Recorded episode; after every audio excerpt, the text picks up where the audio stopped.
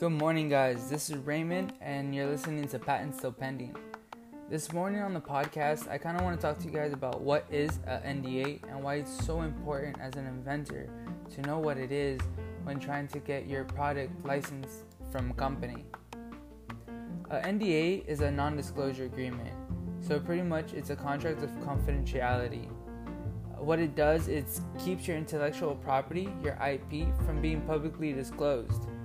So it's pretty much just a mutual agreement between both parties saying, hey, this is between us. Now, these NDAs do have um, time limits. They could be anywhere from like a year, two years, three years. So, so there is like a lifespan on them. Now, here's something I really think you guys should all know that a provisional patent application, a PPA, is a solid piece of protection so if you filed for your provisional patent application, having people sign or write up an NDA isn't too necessary. So here's an example of when you have filed for a provisional patent application and you want them to sign an NDA. So let's say you call up a company and you're talking to the marketing guy and you're like, hey, I have this new product that I think will fit with your company very well hear the benefits. Boom, boom, boom. You list off the benefits. Make sure you avoid any detail. You don't want to let them know any of the juicy stuff. And only if that company shows interest, if they want to know more about your product, about your idea, then that's when it's okay to have them sign a non disclosure agreement. That's the only time it's okay. You don't want to call them in the beginning and be like, hey, um, before I say anything about my idea, can you sign an NDA? You don't want to do that. It doesn't show professionalism. Nobody is going to waste their time signing an NDA when they don't even know why they're signing it. That product can be, you know, something they're very not interested in. They don't want to waste their time. Now, most of the companies will have their people make an NDA for you guys to sign. If that's the case, read through it carefully and make sure there's no funny stuff going on. Doesn't hurt to look through it, you know, the right way. And I want you guys to know that you can make your own NDA. Well, you can't make it, but you can get someone to do it for you. You can get an attorney to do it for you.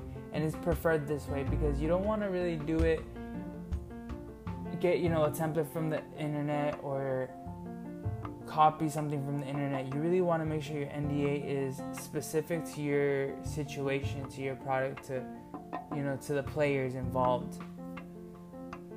Here's an example of how NDA can be very useful if you haven't filed for a provisional patent application. This is my experience. When I was writing my provisional patent application, there's a section where you have to show illustrations of your drawing, three to five preferably. And I wanted to make sure that my PPA looks, you know, professional, legit. So I didn't want to draw my product myself. So what I did was search for an artist because I just thought it was the best move. You know, people always say a picture's worth a thousand words. It could explain so much more than what your words can. So I found this artist. She's a graphic designer, and I made her sign an NDA. And that agreement pretty much said, hey, whatever I discuss with you about my idea, it stays between us, and the images that you come up with, you can't use in your portfolio. So just kind of things like that, right? Because I don't want her to show off this product when I'm trying to get it sold to company, or excuse me, when I'm trying to get it licensed to companies. So that's the agreement, and that's how I got her to draw my pictures safely right? So that's an example of how I did it.